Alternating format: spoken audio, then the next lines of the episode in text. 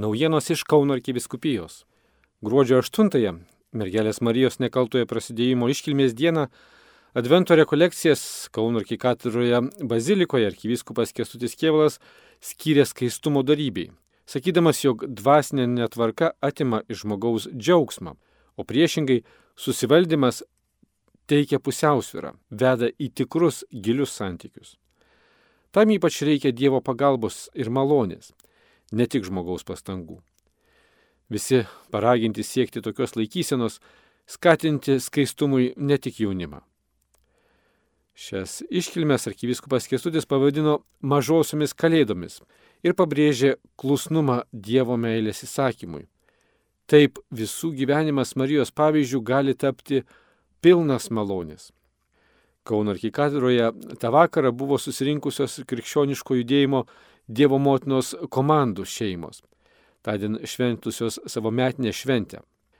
O į bendrą maldą karito bendruomenė šį vakarą sujungė asmenis vienaip ar kitaip paliestus nusikaltimų, nukentėjusius, atliekančius ar atlikusius laisvės atimimo bausmę, jų artimuosius, darbuotojus bei savanorius, teikiančius pagalbą šiems žmonėms.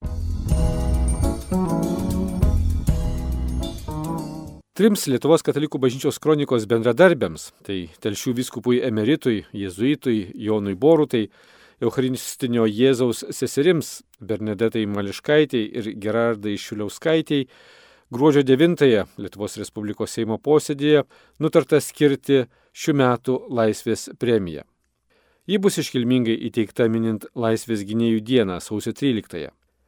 Laisvės premijos laureatas yra ir kardinolas Sigitas Tamkevičius, Lietuvos katalikų bažnyčios kronikos vyriausiasis redaktorius, leidėjas. Jam ši premija buvo skirta dar 2013 metais. Lietuvos katalikų bažnyčios kronika buvo tiesos žodis apie tikinčiųjų padėtį ir tikėjimo persikiojimą sovietmečiu. Ji buvo leidžiama pogrindžio sąlygomis 17 metų, nuo 1972 iki 1989 metų. Pro geležinę uždangą šis laisvės žodis pasiekdavo ir vakarus. Kita met sukanka 50 metų, kai 1972 kovo 19 Simne buvo išleistas pirmasis kronikos numeris. Nuo šių metų spalio kronikos dokumentai yra įtraukti į UNESCO pasaulio atminties nacionalinį registrą. Jono Pauliaus antrojo piligrimų centras dalyjasi įspūdžiais iš dar vienerių adventinių rekolekcijų vykusių kelyje. 11 km gyvosios piligrimystės maršrutu iš Tytuvėnų į Šilvą gruodžio 4 šeštadienį keliavo Kauno jėzuitų gimnazijos bendruomenė gimnazistų tėveliai ir direktorius tėvas Aldonas Gudaitis. Labai dėkojame visiems kartu keliavusiems už nuostabų advento išgyvenimą drauge. Visuomet džiaukitės viešpatyje, viešpats yra arti. Apaštalo Pauliaus žodžiais dalyjasi čia Žugedžinė, Jono Pauliaus antrojo piligrimų centro bendradarbiai.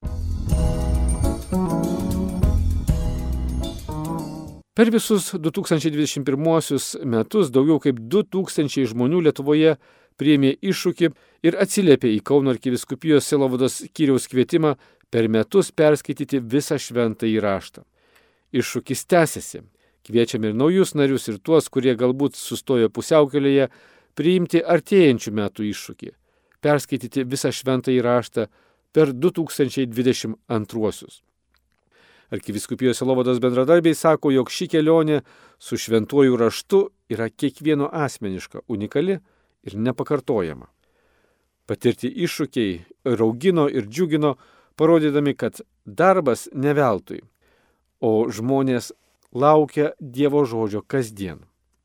Užsiregistravusieji visus metus kasdien gaus elektroninį laišką su nuorodomis tos dienos šventojo rašto skaitiniams, trumpų komentarų ir galimybę labiau pasigilinti į skaitomą tekstą, žiūrint trumpus vaizdo įrašus anglų kalba. Tam reikalinga registracija. Sinodinis kelias, kelionė drauge, susiburiant svarstyti sinodo temų jau vyksta Kauno arkiviskupijos parapijose. Palemonio parapija tai po pirmojo susitikimo dalyjasi, jog susitikimų pradžia nebuvo paprasta. Reikėjo pažvelgti ir įsiklausyti į save, bei atsiverti ir pradėti kalbėtis tarpusavyje. Pokalbių grupelėse metu susirinkusiai išsakė gyvenimo patirtis, tikėjimo istorijas. Kristaus prisikėlimo parapija pabrėžė, jog grupelių susitikimuose vyravo šilta atmosfera, maloniai stebino žmonių atvirumas bei nuoširdumas. Atradome, kad tiek turime apie ką pasikalbėti, jog nepritrūksta laiko. Domeikavos ir Lapių parapijos viltingai dalyjasi, jog sinodinis keliavimas drauge išmokys jas girdėti vieniems kitus ir klausytis šventosios dvasios. Dėkojame ir laukiame susitikimuose, tai padeda mums šventoji dvasia šioje kelionėje, sako šventosios dvasios šilainių pirmosios parapijos moderatoriai, kaip ir kitose parapijose aktyviai kviečiantis žmonės į susitikimus. Sinodinio kelio aktualiai bus skirta ir katechezė, kuri numatyta ir gruodžio 13-ąją Šilovoje švenčiant Marijos dieną. Į Šilovą tą dieną draugė keliauti iš Kauno kviečia Jono Pauliaus antrojo piligrimų centras. Negalintiems ten nuvykti rengiamos ir tiesioginės transliacijos Kauno arkiviskupijos, Marijos radio bei Delfi LT kanalais. Šios ir kitos naujienos išsameu Kauno arkiviskupijos interneto svetainėje bei socialinio tinklo Facebook paskyroje. Marijos radijų iš Kauno Darius Chmeliauskas.